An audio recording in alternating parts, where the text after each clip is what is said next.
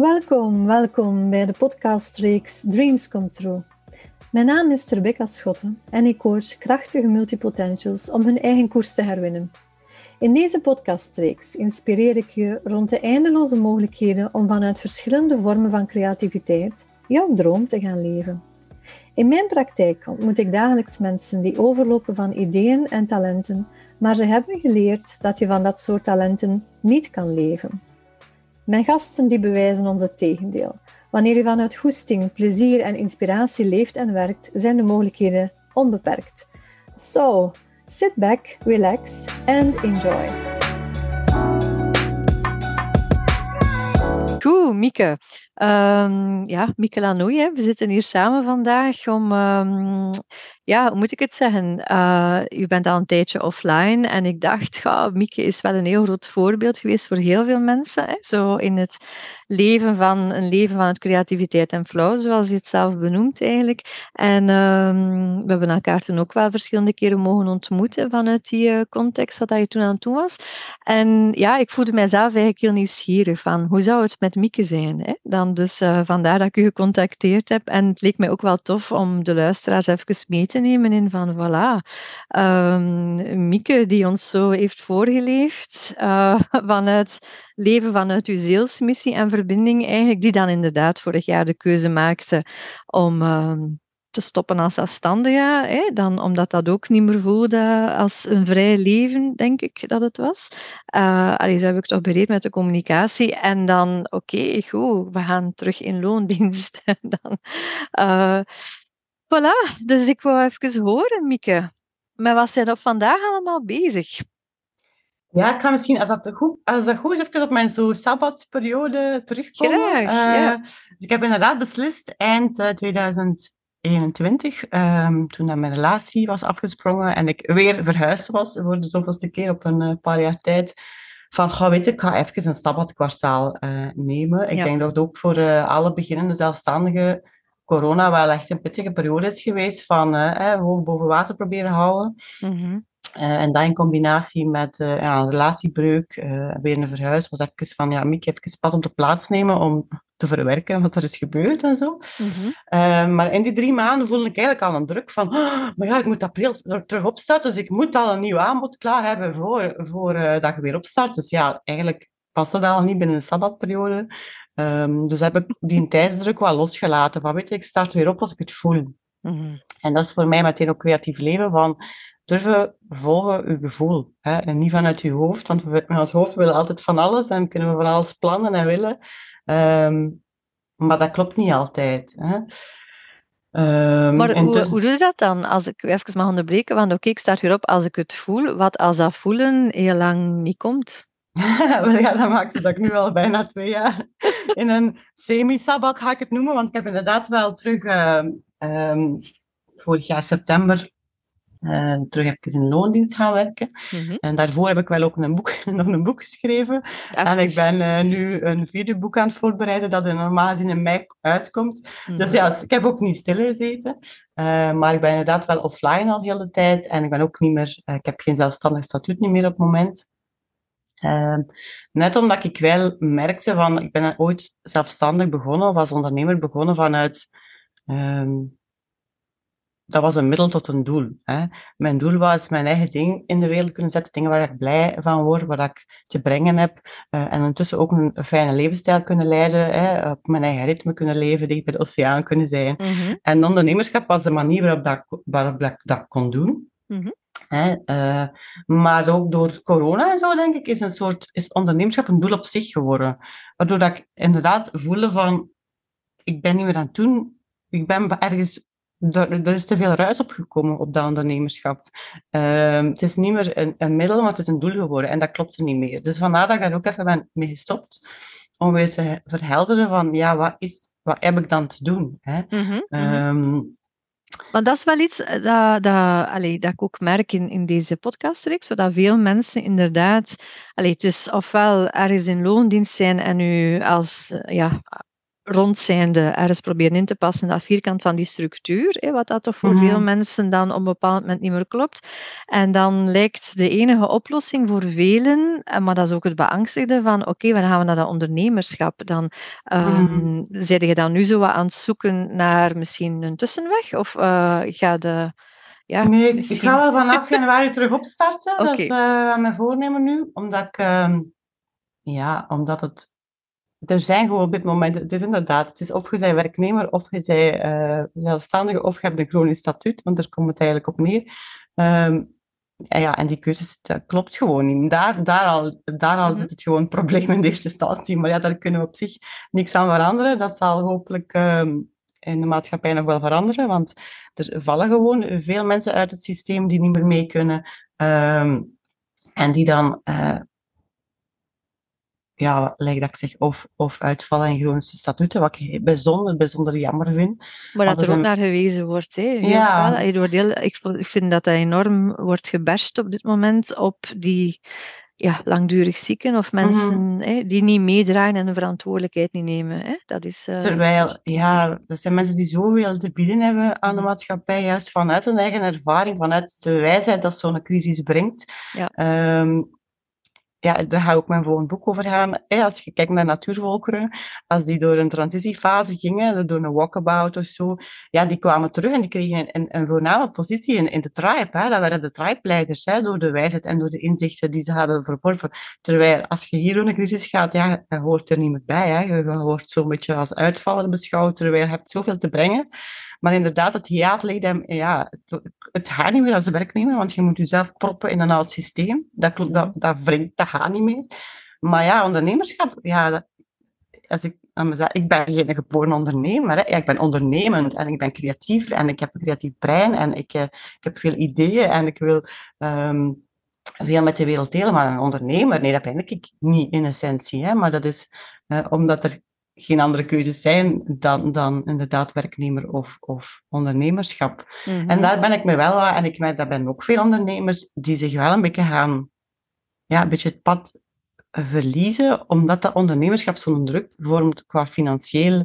ehm ja, je komt in dat overlevingsmechanisme terecht, hè, van er, moet, er moeten inkomsten zijn. En bij een ondernemer moeten er dubbel zoveel inkomsten zijn als bij de eind. Je verdient je eigen bruto-loon.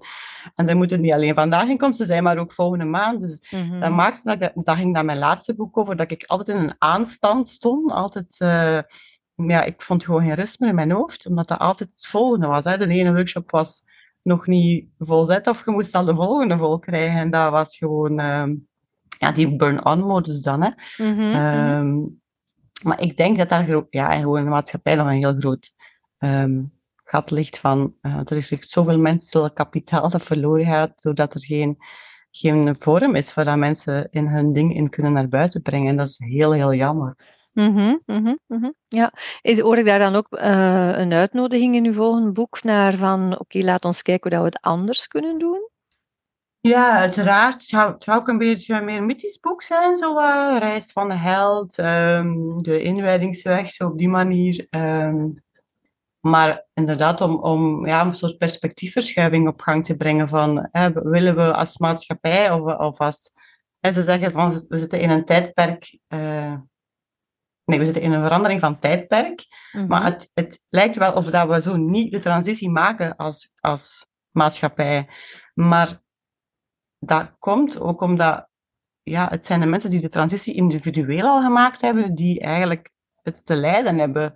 Maar als die, als die geen, geen plek niet meer krijgen in de maatschappij, dan wordt het moeilijk. Dus mijn boek is een soort uitnodiging van ja, door de mensen die individueel al door een transitiefase zijn gegaan, luister naar wat die te zeggen hebben. Enkel zo kunnen we ook als maatschappij over de drempel naar een, nieuwe, naar een nieuw tijdperk geraken. Want nu zitten we een beetje vast in het geboortekanaal of zo. En willen we dat eigenlijk wel, vraag ik mij soms af, als maatschappij? Allee, ik vind dat er heel veel angstcultuur wordt ehm, gevoed ook. Eh, Zeker, ja. Als het niet is via corona, is het via andere kanalen. Eh, het gaat dan over de migratiecrisis. Of er, allee, er is altijd wel ergens een crisis waar ik voel van oké, Mhm. de angst moet blijkbaar gevoed blijven, waardoor dat we, dat we collectief in een kramp terechtkomen. Ja, waar- ja en dat klopt. Dat ik mij ook afvraag, allee, wat zijn de mechanismen die bezig zijn, die dat eigenlijk aan het tegenhouden zijn, die transitie. Want Mhm. op transitie, allee, je ziet dat in heel veel change-processen, zit er ook vaak een gevoel van verlies. Hè? Verlies van identiteit, ja. verlies van mandaat. Het Ja. oude, hè, loslaten. eh, dus ja, ja. Ja. Maar inderdaad, die angststructuur, dat is ook een van de redenen dat ik eh, van social media ben gegaan. eh, Mhm. Ondanks ehm, dat ik daar wel de verbinding eh, heel hard op mis. Maar dat was inderdaad om duur ook zo'n, eh, in de nasleep van corona, zo'n langs alle kanten angst eh, dat, er, dat daar werd gezaaid. ehm, dat ik om een duur, ja, angst maakt dat je inderdaad in die verkramping zit. En, en we hebben ontspanning nodig, ook voor ons zenuwstelsel, om net te kunnen voelen van, als je het over creatief leven hebt, je, je kunt niet creatief leven als je in de angst zit, als je in de verkramping zit. Mhm, mhm. Je kunt dat alleen als je, als je ontspannen bent, dan voelen, dan je een open kanaal om te voelen van, ja, wat heb ik hier te doen? Klopt dat nog wat ik aan het doen ben? En wat zou ik anders kunnen doen? Wat is er welke volgende stap toont zich? Of, of welke volgende stap dien ik te nemen, zodat ik weer verder kan? Want het is niet bedoeling dat we stagneren natuurlijk. Maar eh, het klopt, ja, dat er... ehm, dat we denk ik eh, als maatschappij heel hard aan het oude proberen vasthouden. Maar ehm, ja, het, het werkt niet meer, dat merken we ook. Hè. Het wordt ook heel voorwaardelijk. Hè? Allee, zo, ehm, het, is, het is heel fel zo een voor wat hoort wat cultuur. Allee, mensen die een uitkering krijgen, ja, dan moet het toch wel binnen een bepaalde tijd. Er moeten parameters behaald worden. Allee, alles moet meetbaar en controleerbaar zijn, precies. Dan, Ja. eh, allee, waardoor dat ik denk dat mensen die heel gevoelig zijn, wat dat ik denk dat er toch wel een toenemende groep van mensen in onze samenleving is. Allee, als je dan kijkt ook naar de nieuwe tijdskinderen, en wat is het allemaal? Mensen die ja, Mhm. die toch wel vanuit een zekere sensitiviteit functioneren, eigenlijk als krachtbron, maar het wordt heel hard gefnuikt al van in de onderwijssystemen. Hè? Wat zijn er voor u zo ehm, ja, belangrijke sleutels om te zeggen van, eh, wat, ja, wat is dat nu eigenlijk voor u, die creativiteit, en hoe voed je dat? Je hebt een aantal dingen aangebracht, hè? Zo het, eh, je moet eh, in ontspannen modus kunnen zijn, hè? Dan, Mhm. dat is er één van. Wat zijn er zo nog zaken dat je zegt van, dat is gewoon een basisvoorwaarde, of het kan gewoon niet stromen? Mhm. Ja, voor mij is het altijd weer terugkeren naar, naar mezelf, naar mijn gevoel eigenlijk. Mhm. Ehm, en ja, ik kan een bepaald plan met mijn leven voor ogen hebben, maar heeft het leven dat ook voor ogen met mij? Dus het is eh, voor mij meer het plan van het leven durven eh, volgen dan mijn eigen plan. En dat, vraagt heel vaak, eh, ja, in mijn geval toe, om onzekerheid te trotseren. Hè? Mhm. Om te zeggen, ik laat die vaste baan, en dat is eigenlijk gewoon uw vaste bron van inkomsten, los om mij weer over te geven aan het onbekende en om weer te zien, ja, om weer die eigen creativiteit aan te boren om een bron van inkomsten te hebben. Ehm, maar dat is bij momenten heel eng, hè. Eh, weet je, ik ben, ik ben alleen, ik heb geen partner om op terug te vallen, eh, waar ik bij sommige mensen wel zie dat die hè, ook eh, ondernemer zijn, maar wel een, een stabiele partner hebben, financieel ook. eh. Ehm, Mhm. Dat zorgt ook voor meer ontspanning, denk ik. Maar ik, ik heb dat niet, dus het is altijd weer een soort in die onzekerheid springen, en het onbekende springen. En ehm, ja, op een bepaald moment vallen toch weer in het ehm, patroon van, ja, doe maar dat wordt verwacht of zo. Dat is misschien veiliger of gemakkelijker.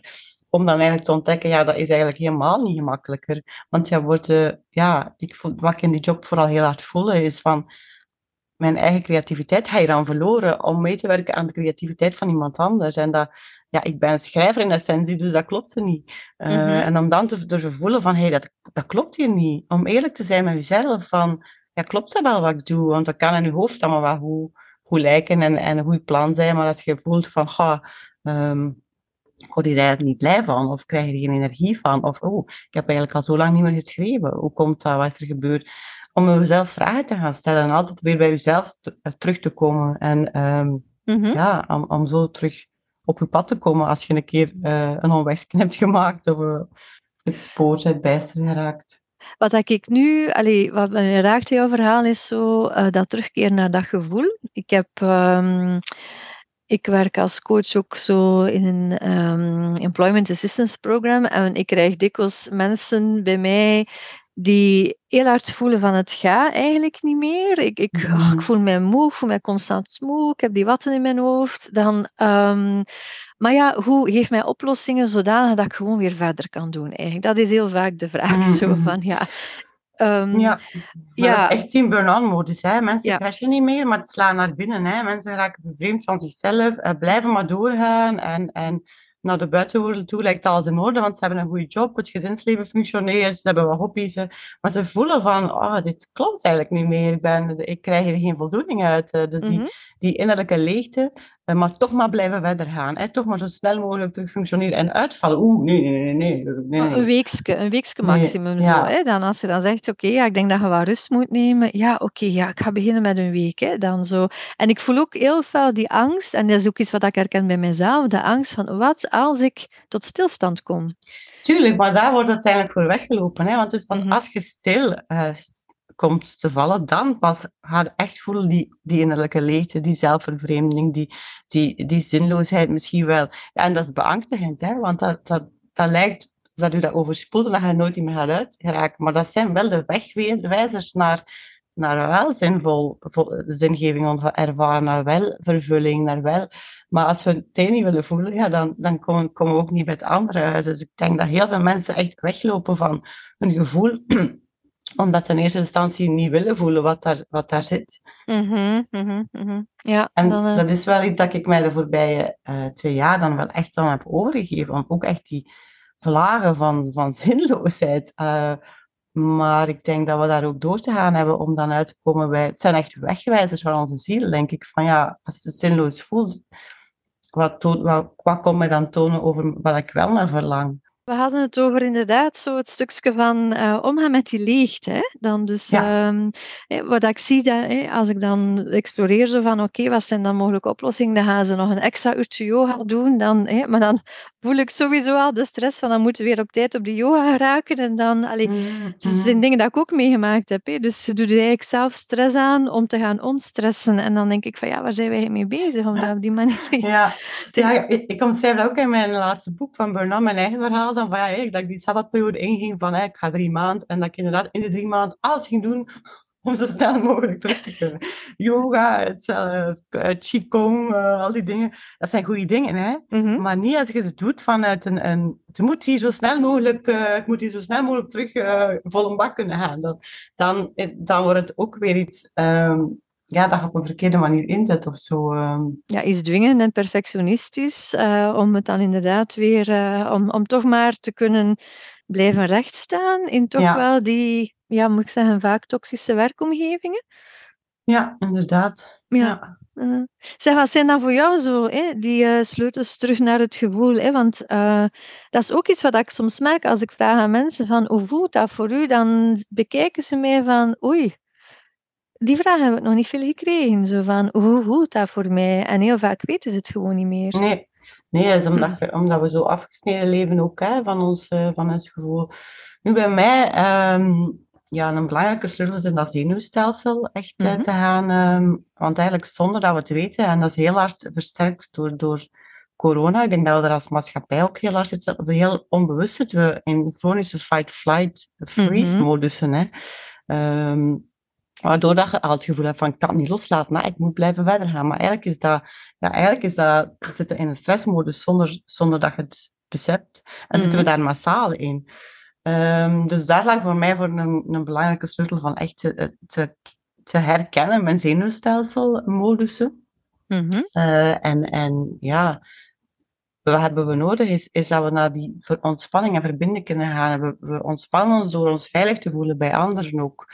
Mhm. Ehm, dus dat was voor mij een belangrijke sleutel. Ja, sowieso een digitale detox, waar ik dan al langer in zit dan dat ik eh, van plan was. Ehm, om ook even die ruis eh, buiten te sluiten. En like dat gezegd, er is zoveel angstcultuur om dat ook even gewoon buiten te houden. Maar ook ehm, doordat we zo, hè, zo, zoveel tijd op social media als scrollen doorbrengen, komen we vaak niet tot de dingen dat we echt willen doen. En Mhm. hoeveel mensen zijn er niet die zeggen, ja, ooit wil ik een boek schrijven.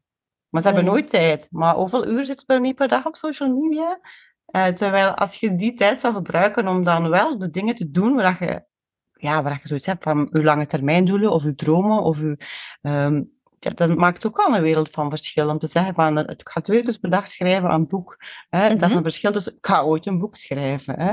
Eh, maar nee, we, we hebben geen tijd, want we zitten wel twee uur per dag te scrollen op social media. Dus daar weer zo eigenaarschap over hun eigen tijd. eh, Mhm. Ja, eigenaarschap denk ik dat ook wel een heel belangrijke is. Sowieso. Maar, maar ook verantwoordelijkheid nemen voor wat dat je eigenlijk nodig hebt.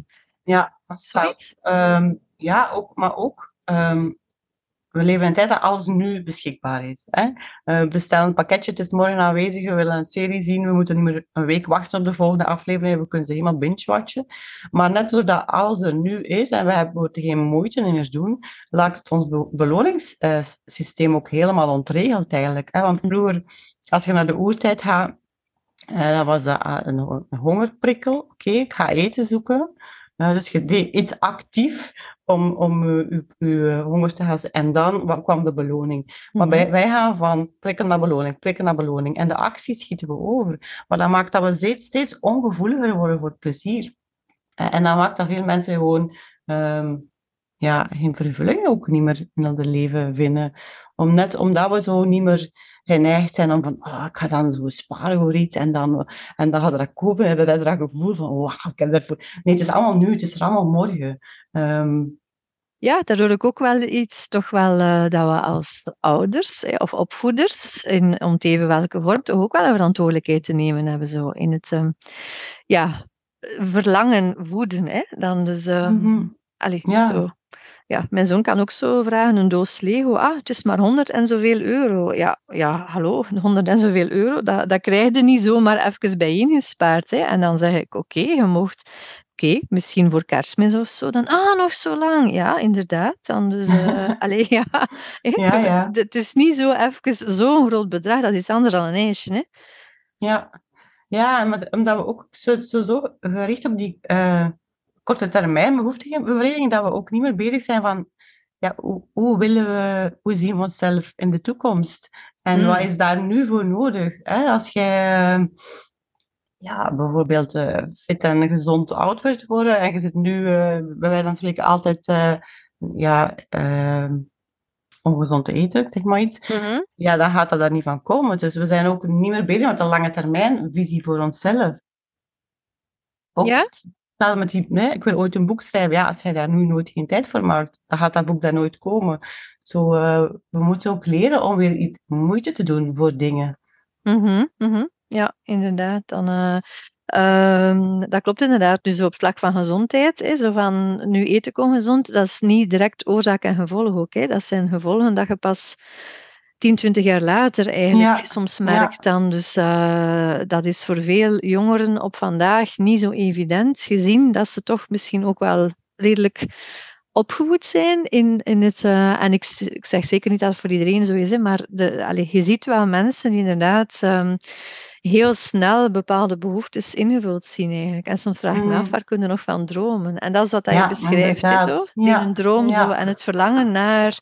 Ja, niet vanuit een soort frustratie of kramp naar iets wat dat er niet is en dan daarover ehm, het gevoel hebben, ik ga dat toch nooit kunnen realiseren, maar zo ook wel het gevoel van, als ik een bepaalde effort doe, en eh, moet dat misschien ook niet helemaal alleen doen, dan kan ik misschien ook wel iets realiseren, iets van mezelf, zo iets vanuit Mm. mijn hart, zoiets. Ja, ja, inderdaad. Ja. Ja, dan, eh, en als je dan kijkt zo in ons onderwijssysteem, is het heel vaak toch wel ehm, doen wat dat er van u verwacht wordt. Ja, en dat blijft eigenlijk ehm, verder lopen heel vaak. Hè. Als je kijkt, we, we, we worden een soort eh, voorbereid tot ons on- eh, ongeveer gemiddeld 21 jaar om te kunnen meedraaien met het systeem. En Mhm. veel mensen komen niet verder dan, ah ja, ik draai dan mee met het systeem en dit is dan het leven. En ik denk net de mensen die gevoeliger zijn, die, die als vroeger in het leven het gevoel hebben van, ja, ik ben anders, ik word er niet helemaal bij. Hè. Dat zijn vaak de mensen die een beetje als eerste uitvallen. Mhm. Eh, en die gaan openstaan van, ja, maar er moet toch meer zijn dan dit. Dit kan toch niet le- het leven zijn. We vergeten soms dat we doodgaan, hè. Dat, eh, dat er op het einde van de rit eh, dat gedaan is, weet je. En, en willen we dan echt terugkijken op, ah, ik heb mijn leven gedaan wat er van mij verwacht werd. Ook al was ik er niet echt gelukkig bij. Ja, voor mij was dat niet genoeg. Mhm. Want ik ben eigenlijk, eh, ik ben een zoeker. eh, ik ben een zoeker en een vinder. Hè, maar ik blijf altijd wel zoeken van, het moet toch anders kunnen. Ehm, dus voor mij is ook wel die, die nieuwsgierigheid naar hoe kan het anders, wel ook creativiteit. Ja, zo het ehm, achter het muurtje gaan kijken van wat zit er daar nog en misschien is, kan dat ook iets zijn die mij iets kan brengen of die ander iets kan brengen, zoiets? Ja, of meer van, eh, zo van de platgetreden paden gaan en je eigen weg gaan banen. En oké, soms kom je op een doorlopend stuk uit, of soms moet je terugkeren, of soms... maar je hebt dan wel iets geleerd. Hè? Mhm. Eh, en soms merk je, oh, dit loopt hier helemaal niet dood. Oh, wauw, interessant. Zo, vanuit die nieuwsgierigheid je eigen weg banen. En, en weet dat je, voor mij helpt het wel, en en dat heb ik ook laatst jaar, je kunt altijd terug naar het systeem. Je kunt altijd terug zeggen, ik, ik, ik neem terug een job aan. Bedoel, er, zijn, er zijn jobs genoeg, hè. Dus dat, dat heb ik mij ook wel Nu wel, ja. gerealiseerd eh, de laatste periode van... Ja, stel dat ik... eh, ik ga weer opstaan als zelfstandig. Stel dat het niks wordt. Mhm. eh, of of de- dan... eh, ik kan altijd terug een job aannemen, mocht, als ik geld nodig heb. Hè. Mhm. Ehm, dus, maar ehm, dat is een soort zekerheid dat ik he- heb waar ik naar kan terugkeren. Maar dat, maar dat maakt ook dat ik het avontuur durf aangaan van, oké, maar laat me eens kijken hoe dat, waar, dat die, waar dat die weg mij brengt. Oké. Ehm, Nu, allee, je hebt dan die vaste job aangenomen en dan hoorde ik u daarnet zeggen van ik ben nu bezig met een soort flexwerk of soort eh, freelancer. eh, ja, flexwerk werk. is dat. En Flexwerk, de ja. zorg, ja. In Nederland zijn ze trouwens veel flexibeler met fle- met flexwerk Je werkt nog altijd in. Nederland. Ja, ja. Ja, en in, eh, dus dat is dan ook een soort loonstatuut of zo, waarin dat je x aantal... Allee, ver, vertaal ik er, wat is dat zo, dat flexwerk? Ja, ik heb daar dus tijdens corona even vastgewerkt, eh, Mhm. toen ik in Nederland woonde. En ehm, ja, maar dat ik dan weer ging verhuizen en uit elkaar ging, dan ehm, ehm, ging ik mijn ontslag geven, of dat had ik gedaan. En dan zeiden ze, maar is het, zou het niks voor jou zijn om zo af en toe tijdens vakanties of in drukke periodes nog eens te komen werken? En ik vind dat wel een heel leuke doelgroep. Hè. Dat is eh, in de forensische zorg, dus mijn Mhm. ex-gedetineerde. Eh was ook altijd nog een levenslange droom om daar mee te werken ooit. Dus ik had zoiets, ja, als dat kan, eh, graag. Hè. Mhm. En dan heb ik een contract van vier uur per week gekregen. En eh, ja, sommige maanden eh, werk ik dan niet. Dus ik ben, het voorjaar ben ik drieënhalf maand gaan reizen, eh, dit voorjaar. Dus dan was ik er niet. En nu in de zomer heb ik dan weer overuren gedaan, zodat ik in, de, in het najaar Mhm. niet meer moet werken, zo gezegd. Dus dat heb ik zo twee jaar gedaan, om zo toch iets te hebben. Mhm. En dat heeft mij enorm gediend. En ik vind, in, ik weet niet, ja, ik ken maar één werkgever in Nederland, maar die, dus ik kan het misschien niet veralgemenen, maar daar wordt echt wel gekeken, wie zei jij en wat heb jij nodig? En daar hebben ze echt moeite voor gedaan om mij dat te geven, zo'n vier uur contract. Dus dat, dat vond ik heel fijn om te ervaren. Terwijl in België, dat bestaat gewoon niet. Flexwerk in België is, eh, je moet vier vijfde werken eh, als je flexwerk mag doen of gepensioneerd zijn. Maar er zijn zoveel mensen die wel gebaat zouden zijn bij flexwerk naast ondernemerschap of, of ehm, vanuit een, een ziektestatuut nog om, om op te starten. En ik denk dat het België daar ehm, ja, heel veel flexibiliteit mist nog. Mhm, mhm. Maar dus ehm, dat flexwerk, dat kan wel of niet in combinatie met het ondernemerschap? Ja, in principe zou dat, dat wel kunnen, denk Ja. ik. Eh, maar ik denk dat dat financieel niet zo gunstig is, dat je dan te veel... eh, te veel en plus ook, ja, eh, ik ga ook wel terug eh, in Spanje wonen, dus ik ga ook wel gewoon ehm, terug voor, voor één eh, statuut gaan en niet...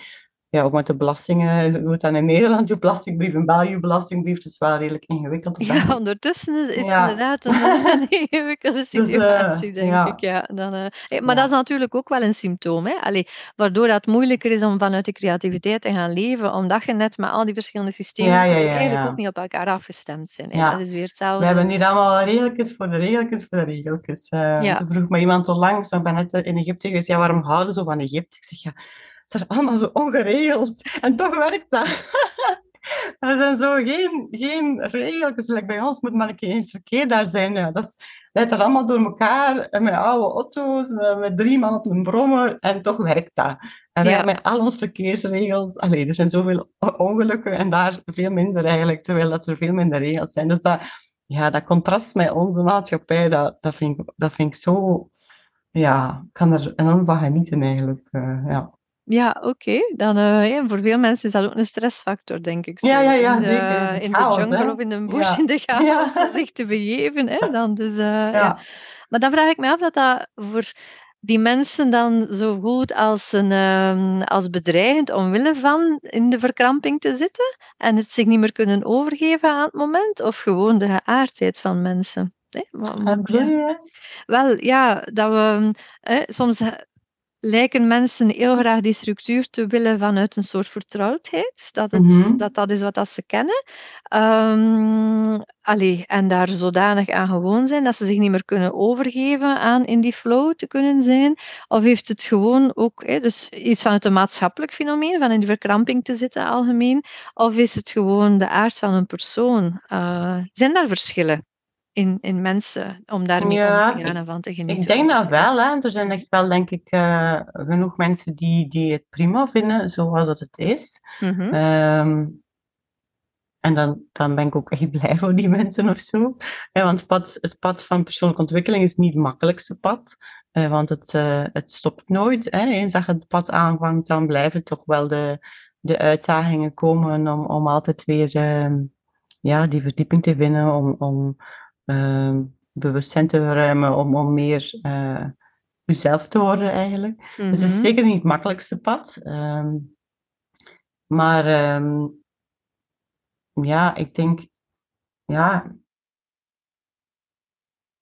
Goh, ik vind het wel een moeilijke, want er zijn, er zijn wel echt mensen die tevreden zijn met hoe dat is, maar Mhm. er zijn toch ook wel mensen die, die ehm, als ik zo de interviews voor mijn laatste boek deed, die wel echt voelen van, ja, dit, ja, ik verdien goed mijn boterham, ik heb een vooraanstaande positie, eh, maar ja, eigenlijk is het allemaal leeg of zo. Eigenlijk Ja. is het allemaal, eh, en toch daar niet, en, en eigenlijk heel helder kunnen zeggen wat ze wel willen. Mhm. En ook heel helder kunnen, ehm, ja, of, of zelfs ook gewoon de, de financiële mogelijkheden hebben om het te doen.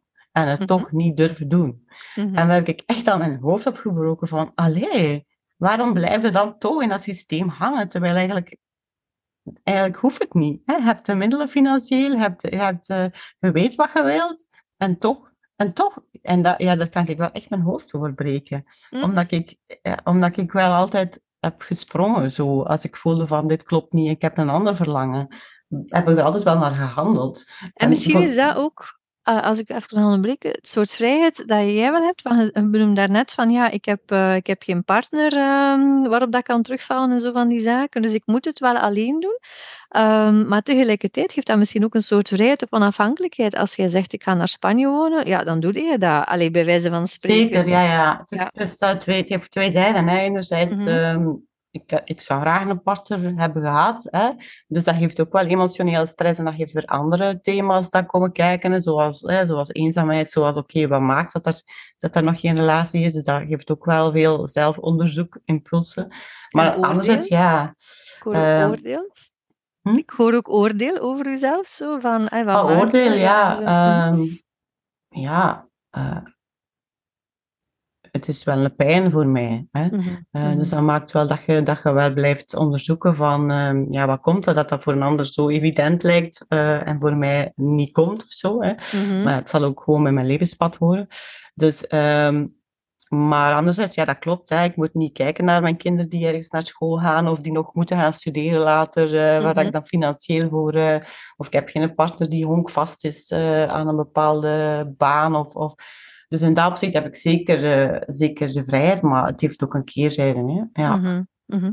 Ja, ehm, goed. eh, daarnet gaf je ook aan van hè, zo de mensen, hè, degene die zo kiezen voor dat pad van persoonlijke ontwikkeling, hè, zijn vaak ook de mensen die al van jongs af aan voelen van ik word er niet helemaal bij. Hè, zo, of ik Mm. pas er precies niet. Is dat ook iets wat voor jou geldt? Dat je zo altijd wel al het gevoel hebt van, oh, gehad van hm, het is toch precies niet helemaal dat, ik word daar niet zo blij van? Ah, ehm, ja, ik denk dat wel. ik denk dat wel. Ik was een heel gevoelig kind ook wel. Mhm, Dus ook wel altijd eh, bezig met ehm, wat er van mij werd verwacht of zo. dat is een beetje pleasend kind ook, denk ik. En maar ehm, ik, merk ik weet wel dat ik zo like op school, ehm, ergens onbewust zo wel iets voelen van, waarom heb ik dat allemaal nodig? zo, ik, kon, ik was ook alleen goed in de vakken dat mij interesseerden. Terwijl ik mhm. was, uh, ik was zeker niet dom of zo, maar in sommige vakken kon ik echt al voelen van, wat zei hier nu in hemelsnaam mee of zo. Mhm. En dat is wel gebleven, want ik, ik ben doe eigenlijk constant aan zelfstudie, maar laat me niet meedoen met de slimste mens of zo, want ik, ik haal nog niet eens de voorrondes, denk ik. Omdat, ja, dat is kennis. Dat is geen wijsheid. En voor mij gaat het om die levenswijsheid of zo. Mm Dus in dat opzicht heb ik altijd wel zo, uh, hetzelfde mij, ik ben best uh, religieus opgevoed, zo, ja, gevoeld, maar dat klopt niet, dat klopt niet. Dat lichaam niet wat je, wat je gelooft, dat klopt niet. Zo, dus mhm. ik heb wel een fijn gevoelig kanaal gehad, denk ik, op voelen van wat er klopt en wat er niet klopt of zo. Ehm. Maar desondanks was ik wel super gepassioneerd in mijn, in mijn job, waar ik dan uiteindelijk ehm, ben uitgevallen met een burn-out in de verslavingszorg.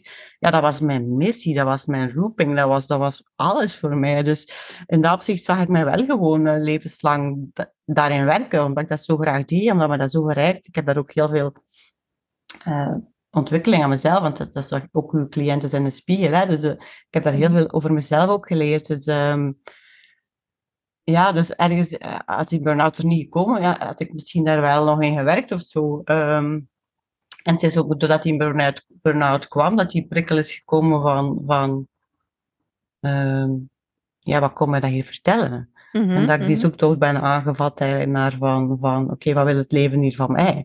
Mm ja, en je zegt van ik was een, een beetje een pleasend kind, dus iemand die heel goed kon invoelen wat dat er van mij verwacht werd, zowel impliciet mhm. als expliciet waarschijnlijk. Hè, zo. En mhm. ja, ik probeer daaraan te beantwoorden. Had dat dan ook te maken met een stuk uw bestaansrecht? Zo van ja, oké, dan als ik dat doe, of het wordt, ik, allee, krijg ik daar ook erkenning voor en dus word ik gezien, besta ik zoiets? Ah, ik denk, um, dat is natuurlijk allemaal op onbewust niveau, hè, als je zo klein bent, maar door, de, door de jaren heen dat we analyseren nu. Uh, maar um, tijdens mijn mama zwangerschap van mij, dus als ze zeven maanden zwanger was van mij, is haar broer heel onverwacht gestorven. Mm. Uh, verongelukt, dus uh, in een auto-accident. en ik denk dat daar onbewust een soort schuldgevoel bij mij ook gezeten heeft. Zo, omdat mm. dat heeft mijn mama enorm uh, geraakt. Dat is, een, dat is echt een trauma voor haar geweest. En ja, je kent dat gezegd, een oud leven voor een nieuw. Hè. Dus ik denk dat ik dat onbewust zo'n soort op mij heb genomen. Van, mm. door, mij, door mijn komst is hij dat niet meer. mijn onkel dan. Mm. Ik ben daar ook, uh, mijn tweede, ik heb daar ook de, hè, mijn, uh, mijn naam is Mieke Maria Theo, dus Theo was mijn onkel. Dus ik ben daar ook zoek naar vernoemd. Ik denk dat ik daarom bewust wel, um, ja, dat daar wel, wel sleutels ook liggen naar, naar, um, naar schuldgevoel bijvoorbeeld, dat er als kind mm. al wel zat, onbewust. Hè.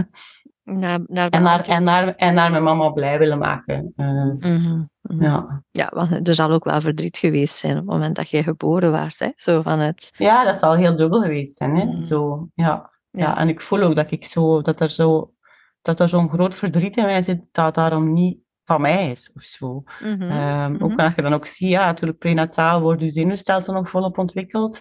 Dat dat, dat, dat moet zo'n stressvolle gebeurtenis geweest zijn van mama, dat ik eigenlijk al een soort van wow, overspoeld ben met stresshormonen in de baarmoeder al. Dus dat had al een soort voorbestemdheid op mm omgaan met stress in mijn later leven. Dus, dus als je vraagt wat is de oorzaak van burn-out, kan er u veel geven, maar dat gaat er zeker mee te maken hebben dat ik daar al met mijn zenuwstelsel al eigenlijk niet uh, kreeg wat het, wat het een normale ontwikkeling nodig had. Het is ook niet lineair, hè? Eh, de oorzaak van burn-out. Het is, het, is iets, uh, het is vooral, denk ik, uh, relationeel en in verbinding met anderen en met uzelf. Het is heel gelaagd hè? en het heeft heel veel te maken met emotionele stukken, inderdaad. emotionele stress op het werk ook, maar ook, ja, dus het is heel, um, heel gelaagd, denk ik. Het is ja, niet dat denk één oorzaak. Ja. ja. Zeg, uh, je bent bezig aan het schrijven van uw vierde boek. Um, ik heb hier genoteerd, ja, wat, het is wel meer een mythisch boek dat het wordt. Hè. Dan uh, ja. hebt u zelf ook al een paar keer omschreven van eigenlijk ben ik een schrijver. Allee, is dat echt wel iets uh, waar ik graag mee bezig ben. Maar in deze podcast gaat het ook over van hey, we kunnen dan een leven vormgeven. En dat gaat dan vanuit de creativiteit. Dat gaat heel vaak over hoe kan ik daarvan leven financieel. Mm -hmm. Dan, uh, hoe werkt dat dan? Krijg, heb je dan gewoon zo'n idee dat je zegt van voilà, uh, ik wil, over dat thema wil ik een boek schrijven en uh, ik schrijf dat en dan probeer ik dat ergens op de markt te krijgen? Of hoe werkt dat concreet? Ah, ik heb eigenlijk het geluk gehad als ik um, mijn burn-out had in 2014, ben ik zo gaan schrijven een beetje als manier van verwerking. Mhm. Eh, omdat ik ooit ook eens had van, ja, wat gebeurt daar eigenlijk? Dat ik nu met zo'n andere persoon voel. Hè? Dus ik wou dat begrijpen. Dus Mhm. ik ben dan heel veel gaan lezen en, en ook zo dagboekfragmenten, ook heel de worsteling hè, van inderdaad het oude loslaten. Mm, Dat was mijn identiteit, hè, mijn job eh, toen. Eh, ook die fase van het niet weten wat er komt, want ik, dat was ook de eerste keer dat ik mijn gevoel ben gaan volgen. Ik heb toen ontslag om medische redenen, en, maar ik voelde, ik ga naar, ga naar het buitenland, dat riep mij iets, maar ik wist totaal niet concreet hoe dat er ging uitzien, dus dat was echt overgave. Dus toen heb ik eh, daar een boekje over, allee, boekje. Ik heb daar toen eh, een manuscript rond samengesteld, moet ik het Mhm. zo zeggen. Maar eigenlijk allemaal eh, een samenvoegsel van dagboekfragmenten en inzichten dat ik had verwerfd uit boeken en zo, dat ik gelezen had. En ik dacht, ehm, toen dat ik eh, onderweg was naar Santiago de Compostela, want ik heb zo de Camino gewandeld Mhm. tijdens mijn burn-out, van eh, ja, ik wou eigenlijk altijd wel een keer een boek schrijven, dus waarom, dus waarom stuur ik het niet in? Dus daar. Ja, zo. dus ik heb dat dan gedaan. Ik had zo'n lijstje gemaakt van tien uitgevers, mijn favorieten. En ik had zo één favoriet in België en één in Nederland. En ehm, ja, heel veel afwijzingen gehad, als je al iets hoort. Eh, maar dan toch na drie maanden eh, mijn, van mijn huidige uitgever even een uitnodiging van kom een keer langs. Mhm. En die hadden wel gezegd van, kijk, we zien er wel iets in, maar je moet het nog aan, je moet het meer van jezelf maken. Je moet het aan elkaar breien en meer van jezelf maken. En dan eh, ben ik toen in Egypte gaan wonen. Toen na mijn burn-out heb ik, had ik een contract in toerisme. Dus, ehm, eh, en dan ben ik daar aan het schrijven gegaan. En dan heb ik een contract gekregen voor mijn eerste boekje. Het is een klein Mhm. boekje, dus over het, eh, als je midden in, in burn-out zit eigenlijk. En dan mijn, ja, de twee Dan boeken krijg je een contract en, en allee, dan zeggen ze van kijk, eh, dat is ons een tarief voor een boek van zoveel pagina's of zoiets. Of hoe werkt dat dan? Of hangt dat dan af van het aantal dat je verkoopt? Of, eh, Je Ja. hebt, je krijgt een, eh, ja, je royalties zijn een bepaald percentage per boek dat je ontvangt. Eén keer per jaar wordt dat uitbetaald. Ja. mhm, mhm. Ja. Ja. Ja. Maar zij, de uitgevers, ehm, die nemen ook alle, allee, die, die, het, het, ehm, verdelen van hun boeken naar de boekwinkels en zo, gaat allemaal via hen. Hè. Dus eigenlijk qua Mhm. marketing zit het allemaal bij hun. mhm. Ehm, ja, en dus hoe- daar... ja, dan weten toch... Allee, ik zou dat niet weten, wat dat ze mij dan voorstellen, of dat dat een degelijk voorstel is, eh, wat dat ze mij dan voorleggen. Ik zou gewoon al kei blij zijn als dat dan lukken, bij wijze van spreken. Eh, hoe heb je dat dan aangepakt? Of allee, wist jij Ja, dan ik was inderdaad ook super blij en ik, allee, ik ben ook echt nog altijd heel tevreden van mijn uitgever. Dat is echt zo'n zo'n familiegevoel of zo. Mhm. En ik vind ze heel correct in alles. Dus ehm, ja, Ja, ook weer in dat voelen gaan hoor ik zo van, oké, aanvoelen en eh, zien en de dialoog aangaan over wat dat jij nodig hebt, wat dat zij kunnen bieden, zoiets. ja, zo, ja, ja dat, ik eh, voelde een beetje zoals. eh, ja, ik weet dat niet. Ja, dat voelt, heb er eigenlijk niet zoveel bij nagedacht of zo. Mhm, Ja, dat klopte gevoeld. gewoon. Ja, oké, klopte voilà. gewoon. Ja, Ja, eh, Oké, en ondertussen zijn ze aan uw vierde boek, dus eh, hebben ze dan ideeën of komen die ideeën altijd van jou? Of is dat dan mijn, ehm, veer- mijn vorige twee boeken was eigenlijk op vraag van de uitgever. Mhm, Omdat mijn uitgever is ook verbonden aan Inspirerend Leven, hè, het grote blogplatform. mhm, En ze merkten wel van bepaalde blogs eh, dat ik toen schreef ook over het leven na burn-out. Want veel mensen denken het is, het is als, je, als je weer kunt meedraaien, dan is een burn-out een einde. En dan, eh, maar eigenlijk begint het dan eh, pas.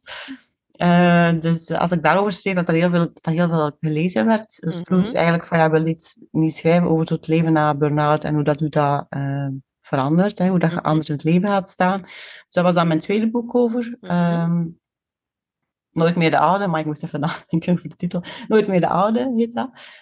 Maar dat gaat ook eigenlijk wat meer over zo de, ja, de natuurprocessen. En dat een burn-out eigenlijk iets heel, of een crisis hè, is eigenlijk iets heel natuurlijk is. Hè. De, de Mhm. natuur gaat ook door de winter. Hè. Die laat in de herfst ook alles los. Om dan in het niks of de leegte te vertoeven. Om dan eh, in de lente nieuwe groei te ervaren. En dan in de natuur twijfelen we daar niet aan. Maar in ons eigen leven, oeh, de leegte, dat kunnen we niet verdragen. Hè. Dat moeten we opvullen. Hè. Maar ook de dan- natuur laat ons een beetje, allee, of wij hebben de natuur in de steek gelaten, ik zal het zo zeggen. Hè, maar de natuur is ook niet meer zo eh, klokvast, zal ik het zo noemen. Zo, hè? Dan als je kijkt naar alle crisissen. Ja. ehm, allee, dat voel ik zelf als toch wel een stuk beangstigend. Dat ik denk van ja, ook dat klopt niet meer. Of daar is niet meer ja, dat ritme zoals het vroeger was. Allee, dit, Maar ik denk net, excessen. ja. hè. ik denk net doordat we onze eigen natuur zo verwaarlozen, of dat we er zo ver weg staan, dat we ook veel onachtzamer omgaan met, met de, de natuur zelf. Mhm. Dus dat dat ook wel samenhangt. eh. Maar Mhm. uiteindelijk eh, hebben we zoveel te leren van de natuur. Mhm. Ook hè, like, like een slang dat vervuilt, of een, kre een kreeft dat zijn schelp afgooit. eh, als, ze, als ze voelen van het is een volgende... Ja, wij, wij, wij, en wij houden zo, wij willen altijd in ons oude vel blijven zitten, maar dat is, dat is ongezond. Dus daar gaat het eigenlijk in dat boek over van... Ja, het is eigenlijk normaal. Ja, ik denk dat al mijn boeken wel gemeen hebben van dat ik probeer een perspectiefverschuiving op gang te brengen rond crisis. Mhm. Ehm, Wat zijn zo uw oplages of de aantallen van de boeken die je verkoopt, zo gemiddeld? Eh, heb je Ik, daar eh, een ik- idee van? Ik, Of... hou eigenlijk de cijfers nooit eh, goed bij. Zo. Dat, ik, ja, ik ben daar, voor mij gaat het om het schrijven en het, dat, het, dat, het er, eh, dat, ik, dat ik het kan delen. Mhm. Maar eh, ik ben daarna niet zo echt bezig met de cijfers. Eh, ik krijg één keer per jaar krijg ik eh, mijn royalties betaald. En Mhm. ehm, Ja, ja, joepie. ja, ja. Dan op dat En moment dat is gaat dat elk jaar in stijgende lijn, dus daar ben ik heel blij mee. Mhm. Dus mijn hoop is daar ooit wel echt van het schrijven te kunnen leven. Ja. Dus daar ben ik naar onderweg. Hè. Mhm, mhm. Ja, en heb je al meerdere oplages van sommige boeken? Ja, ja, ja, ik denk dat de alle boeken wel aan meerdere drukken zitten. ja. Oké, want de uitgever schat dan in van oké, we gaan van deze boek gaan we er zoveel laten drukken in de eerste reeks en dan kijken ze hoe dat, dat loopt en, en dan eventueel wordt het herdrukt wanneer de vraag er blijkt te zijn, zoiets? Ik vermoed dat, ja. Ja. ja. ja. Ja, oké, ik vind dat wel mooi hoe dat je je daar ook kunt aan overgeven, eigenlijk, vanuit dat vertrouwen en dan Mhm. zien van oké, goed, dus eh, ik kan mijn ei leggen en zij helpen mij om dat woord uit te dragen en te verspreiden Mhm. eigenlijk dan. Dus eh, Ja. ja. dat vind ik wel top eigenlijk dan. Dus eh, ja. Goed, je gaat weer beginnen met ondernemen, zeg je. Dus eh, ik hoor je ook zeggen, ik hoop eigenlijk te kunnen leven van ja, van, van boeken en die wijsheid uit te dragen. Hè? En, en iedere keer daar een stuk ja, verbinding te zoeken. Hè? Wat ik denk dat, dat in uw schrijfstijl wel heel goed lukt. Zo, hè? Dan, ehm, wat ligt er nog zo allemaal in het, in perspectief? Kun je daar iets over delen of zeg je van nee, dat is nog eh, geheim? Ehm, ja, ik zou wel graag in Spanje. Ik heb daar vroeger ook retreats georganiseerd en mensen bijeengebracht. En ik, ik voel wel ehm, dat dat terugkriebelt. Ik ben wel, ik heb er de nacht deze nacht ook over gedroomd. Dat is wel grappig. Maar eh, ik ben wel in essentie een verbinder ook. Ehm, dus dat ik toch wel daar nog iets in te doen heb. Maar hoe dat er concreet gaat uitzien, eh, dat weet ik nog niet. Ik denk ook, ja, net omdat zoveel mensen voelen zich zo wat de vreemde eend in de bijt. Maar er zijn zoveel vreemde eenden in de bijt. Terwijl Als je die samenbrengt en dan voel je van ja, maar ik ben helemaal niet. eh allee, er zijn heel veel mensen zoals mij, dat geeft zo'n soort rust ook en ontspanning. Absoluut. Ehm, dus daar, daar vond ik wel nog iets dat ik eh, in wil doen, maar ik zit nogal een beetje met de weerstand om terug naar social media te keren. Dus ik zoek een beetje daarnaar, hoe kan ik daar, is, kan, is er geen andere manier? ehm, Dit is misschien al een manier om het op die manier uit te dragen. En ik, eh, ik ben onlangs ook gaan praten met iemand ehm, die ook een hele geschiedenis van, van burn-out heeft. En die is nu ook coach, eh, maar die heeft zelfs geen website. En die Hm. zegt, eh, ik, ik, ik heb alleen maar eh, via mond aan mond, zegt ze. En Ja, ik amuseer kijk, mij. Dus, ja. eh, eh, en ik voel dat wat ik te doen heb, dat ik dat aan het doen ben en dat ik dat goed doe. En ik wil eigenlijk ook geen website. Of, eh, ze, ze heeft mij zelfs gezegd, eh allee, dus eh, ja, ik wil ook niet dat je dat te veel rondvertelt. ik veel te veel, zo echt zo. En dat vond ik wel top eigenlijk. Dat ik denk van, amai, zo Ja. kan het eigenlijk ook. Dus ja, waarom moet sociale media? Dat is waar, ja. Nee, dat klopt, dat klopt.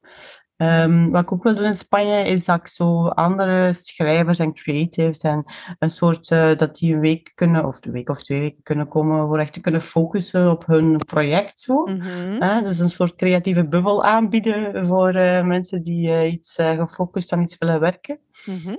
En dan speelt er wel een nieuwe retreat in mijn hoofd ook. Een beetje de vervolg op Surf Your Way Out. Mhm. Maar dan meer rond, ehm, ja, ook meer rond het emotionele en het voelen en eh, het laten stromen eigenlijk hè, van emoties. Want daar zit voor mij toch wel eh, de belangrijkste sleutel, denk ik. Wat ik ook zelf heb ontdekt, hè, dat ik eh, toch wel ehm, nou, iets wat ik heb meegemaakt, een soort onbewust in een soort eh, freeze-modus ben gegaan. Mhm. en in een soort beschermende modus ben gaan verder leven, waardoor dat ik dan eigenlijk eenmaal aan het ondernemen dat spoor ben bijster geraakt.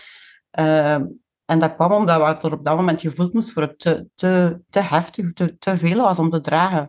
Dus daar, daar heb ik nu ook de voorbije tijd wel mijn, mijn, mijn tijd voor genomen om dat te laten bovenkomen. Was het te heftig of was het dat jij geen ruimte kon maken vanuit de context waarin dat je zat en alle verplichtingen die er waren, dat je eigenlijk die ruimte niet kon maken om het te doorvoelen? Want ik vraag mij... Het was echt een Ja. emotionele shockervaring. Het was echt Ja, iets, eh, ja, dus, een soort... eh, Ja. dat, en en ik, onbewust ben ik daar, daar echt vanuit gaan leven, vanuit die freeze-modus. Ja. Ehm, dus eh, daar heb ik wel echt mijn tijd voor genomen. Want ik geloof wel, hè, eh, voor alle ondernemers die, die veel voor anderen willen doen, you can't serve from a serve, hè, dienen. Je kunt niet dienen vanuit een leeg, Mhm. een leeg kop- kopje. Dus Mhm. eh, ik heb de voorbije twee jaar ook wel echt voor mezelf moeten zorgen. Want ehm kun je geven als, als er niks te geven is. Hè? Als het leeg is. Hè? Ja, als leeg is, is het leeg. Hè? Dan dus, eh, ja. Maar bon, dus, allee, ik vind het wel moedig dat je zegt van oké, ik voel toch wel weer dat dat wel weer een weg is dat ik weer wil bewandelen. Wat heb je nu voor jezelf geleerd of neem je mee? Hè? En dat is misschien dan ook al direct een sleutel voor de luisteraars. Van, ehm, ja, als wijsheid of les, eh, om het dan toch niet weer in dezelfde valkuilen te trappen. We Ja, hebben niet altijd controle eh, over wat dat er ons overkomt. Hè? Nee. Ja, ik denk echt ehm, goed bij mezelf blijven intunen ook altijd. Mhm. Wat, wat mij ook, allee, om een duur, de- ik vind zo op social media zijn er ook zoveel, er is ook zoveel ruis of zo naar ondernemerschap toe. En je moet dit en je moet dat. En, eh, dus echt veel meer trouw blijven aan, aan wat ik voel, hoe dat ik het te doen heb. En niet meer zo, eh, niet meer vanuit zo de financiële angst of zo. Ehm, ja, echt vanuit wat ik voel dat ik te doen heb. En niet meer vanuit wat dan mogelijk vanuit, eh, vanuit je hoofd dan, ah, dat zou, dat zou een goede bron van inkomsten kunnen zijn, of dat, een, dat is een financieel slim verdienmodel. Hè. Terwijl als het niet, eh, ja, als het niet klopt, dan, dan eh, brengt het u toch niet wat dat, wat dat u moet brengen. Dus niet meer kijken naar hoe de anderen doen, maar vooral voelen dat je het zelf wilt doen. Ja, hoe dat ik eigenlijk ooit gestart ben. Hè. Ja. Ja, mhm, ja. En wat zijn dan zo voor u ehm, ja, sleutels die, die daarin helpend zijn? Allee, bij mij is dat bijvoorbeeld, ik zorg dat ik 's morgens ehm, ja, altijd een half uur ergens buiten ben en ga wandelen, dat ik op die manier mijzelf al een beetje voed. Allee, dat voel ik, Mhm, als ik mhm. dat niet doe, loopt mijn dag helemaal anders dan dat ik eigenlijk zelf zou willen. Zo. Dan, ah, Ja. En dat is ook misschien hoe dat leven in elkaar zit, maar ik kan er dan ook gewoon beter mee om als het me anders loopt dan dat ik het, Mhm, mhm. dat ik het in gedachten had. Wat is dat voor jou? Ja, sowieso watersporten is voor mij wel belangrijk. Als ik hier ben, is dat baantjes zwemmen. Als ik in Spanje ben, is dat surfen. Mhm. Eh, ook de, ja, de natuur is daar ook zo. Allee, de natuur is voor mij heel belangrijk. En dan, eh, ik heb een hond die mij wel ook eh, regelmatig eh, dwingt tot een pauze te nemen voor een wandeling te maken.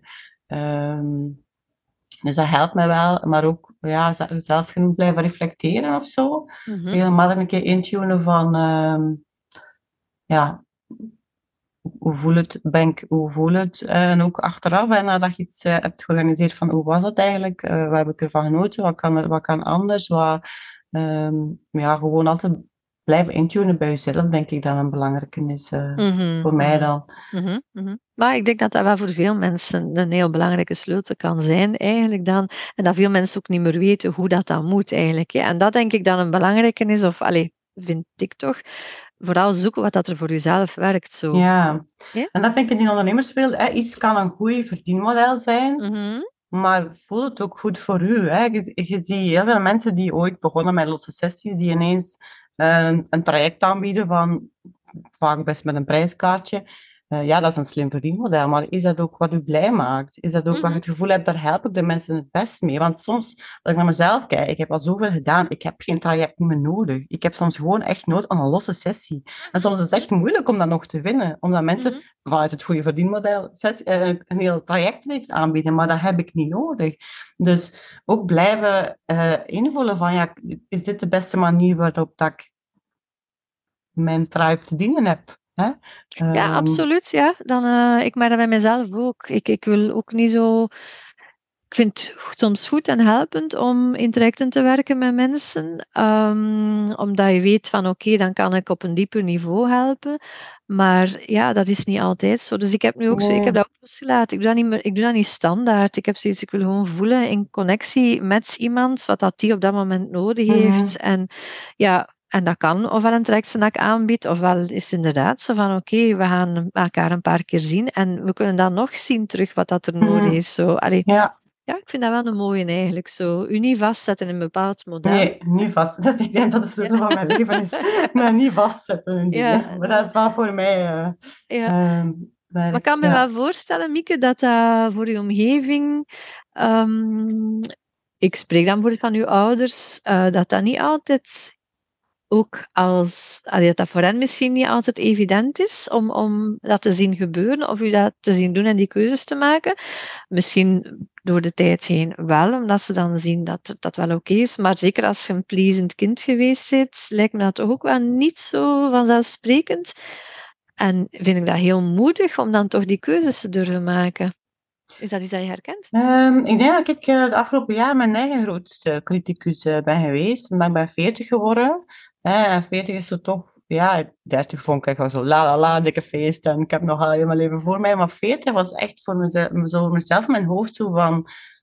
Oei, ik sta niet waar ik... Allee, ik had gedacht dat ik wel een gezin zou hebben. Of, en dat is helemaal anders gelopen. En de kant ben ik ook blij met mijn leven. Maar dat was dat je wel echt... ehm, veel gedaan of zo. Van, van, zeker het relatiestuk, want dat is ook overigens één, ding dat ik terug wil doen. Dus wel echt met, met vrouwen iets doen rond relatiestukken. Wat dat bij mezelf zo'n thema blijft. En daar ook toch wel die uitwisseling en die openheid en die kwetsbaarheid in kunnen delen heel, iets heel helend is. Ehm, ja, dat ik wel echt goed van, wat is er mis met mij, dat dat bij mij niet komt. Zo. Dus ik ben eigenlijk wel heel eh, kritisch of zelf zo wel een beetje heel hard naar mezelf Mhm. geweest het afgelopen jaar van ehm, ja, wat, wat maakt dat dat, dat dat altijd misloopt? Ik doe iets Eh, fout. ja, wat is er? Ja, ik ben altijd. Er zijn sommige mensen die alles buiten zichzelf leggen. Ik ga altijd alles bij mezelf zoeken, dus ook niet altijd goed. Ehm, Nee, nee, denk het ook niet, maar ik herken het wel, ja. Ja, Ja. van, van ja, wat, wat maakt dat dat, ja, dat dat niet komt? Of eh, dat ik, eh, want ik heb wel een goede relatie op zich gehad, ehm, maar dat ik voelde van ja, ik kan hier mijn volle potentieel niet verder ontwikkelen. Dus ik wil niet over, over, ik wil niet over een relatie, over, over mijn potentieel leven. Ik wil het graag en en. Hè, ook zo van, ja, wil ik te veel? Of Nee. Hè, zo dat er wel ehm, veel, ehm, ja, en ook, ja, ik heb, ik heb niet, nog nooit echt die ervaring gehad van een lange, stabiele relatie. Hè. Mhm, mhm. Dus dat geeft wel veel vraagtekens. eh, dus dat, dat, dat maakt ook wel, ehm, ja, wat ik denk vanuit uw pijn eh creëren de meeste wijsheid of de meeste inzichten. Mhm.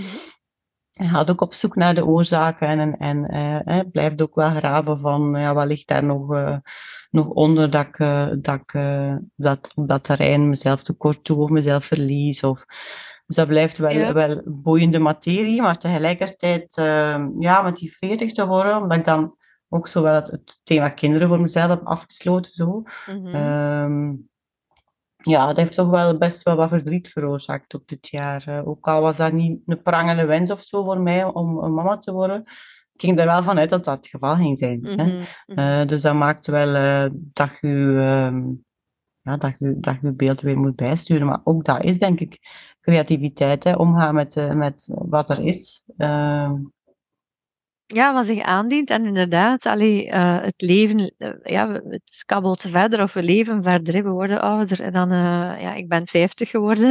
ik herken dat heel goed zo. Dan als kind droomde van, ja, ik ga misschien wel 100 jaar worden. Maar weet zelfs niet of ik dat wil. Hè. Maar eh, ja, de kwestie is van hoe gezond ga ik zijn. En, en daar heb ik zelf verantwoordelijkheid in te nemen. Hè. Mhm, Dus, eh, ja. allee, ja, en, en Ja, die inderdaad. keuzes te maken. Ik hoor ook zo wel iets van, ja, allee, die hardheid voor jezelf, zo, maar we hebben ook zo de illusie in onze maatschappij van alles is maakbaar. Dus je Mhm. bent er ook zelf verantwoordelijk voor. Dus elke keuze die je maakt heeft Mhm. ook zo gevolgen. Volgens mij heeft dat ook wel een soort druk op mensen. En in het begin van ons Zeker, interview ja. zei je van ja, eigenlijk is zo de kunst om, het, eh, om niet mijn leven te leven, maar mij over te geven aan het leven, want het leven Mhm. voor mij een petto heeft. Zo. ja, En misschien is dat wel een heel belangrijke sleutel. inderdaad. Ja. Ja, Ja, Dus- en ik ga er wel van uit dat dat nog op een bepaald moment wel kun, maar, komt. Maar ja, mijn pad is gewoon anders blijkbaar. Dus, eh, en ik kan Is daar... eh, ja, het is mijn pad, ja. Dus ehm, ja. ja.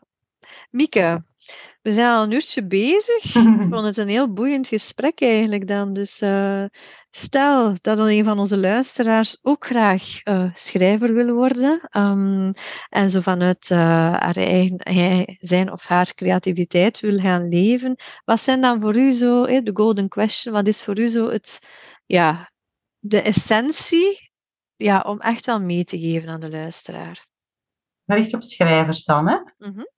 En ja, creatief, allez, ja. voor mij is doe het in de eerste plaats voor jezelf, omdat jij er blij van wordt. Schrijf niet met het idee van, oh, ga ik wel een uitgever vinden en, en hoeveel boeken dan, en dan moet ik het dan zelf gaan publiceren. En, maar, en, en schrijf in de eerste plaats voor jezelf, omdat je voelt, ik heb dit gewoon te delen. Dit moet gewoon op papier, dit moet gewoon uit mij, uit mij vloeien. Mm -hmm. En al, al, zo ben ik ooit mijn eerste boekje hè, naar een uitgever uh, gestuurd. Al kan ik er maar één persoon uh, met bereiken. Dat ging mij echt niet om, uh, ik wil hier een bestseller-auteur worden. Pas op, ja, mensen droomt daar wel van. Hè. Dat mag, mag altijd. Hè.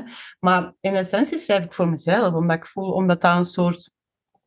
Voor mij is het altijd, door te schrijven, begrijp ik mezelf en mijn eigen pad beter of zo. Uh, dus het brengt mij heel veel zelf. En als ik dan daarnaast ook nog anderen kan inspireren, of, want ik krijg heel vaak terug van, maar ik voelde mij zo begrepen, of ik herken zoveel, ja, dat is alleen maar de kers op de taart. Uh, mm-hmm. ja. Dus doe het omdat je er zelf blij van wordt. Ik denk dat is creativiteit, doe het omdat je er blij van wordt. Uh, want dat is ook rijkdom, weet je. We denken soms altijd ergens van kunnen leven, ja, dat is geld, uh, of dat is materie, maar ja, er zijn ook andere vormen van rijkdom. Hoeveel mensen zijn niet, niet in normen van een wereld rijk, maar zijn eigenlijk niet gelukkig. Uh, dan denk ik, rijkdom is ook gelukkig zijn. En natuurlijk, de rekening moet betaald worden en er moet eten op tafel komen. Um, ja, maar dat is wel een heel belangrijke is om af te sluiten. Hè. Doe, doe de dingen dat je doet gewoon omdat je er blij van wordt. Hè. Dan ja. maakt het niet uit, is schrijverschap of is iets anders, maar gewoon wat u blij maakt. Ja, en als je dat kunt uitdragen of voorleven op een bepaalde manier, um, is dat misschien wel de kern van een rijk en gelukkig leven. Zo'n mm. vol ja. leven. Alright, goed. Mieke, is er iets wat we nog niet gezegd hebben dat je graag had willen delen? Uh, ik kan niet direct iets bedenken. Alright, dan uh, dank je wel voor dit uh, heel mooie gesprek. En jij bedankt voor de uitnodiging, Rebecca. Met plezier. Dit was een volgende editie van de podcast Dreams Come True van Rebecca Schotten. Ik coach krachtige multipotentials om hun eigen koers te herwinnen. Je kan ons volgen op Facebook, Instagram of via deze podcast. En ik hoop dat jullie ervan genoten hebben en misschien tot binnenkort. Dag!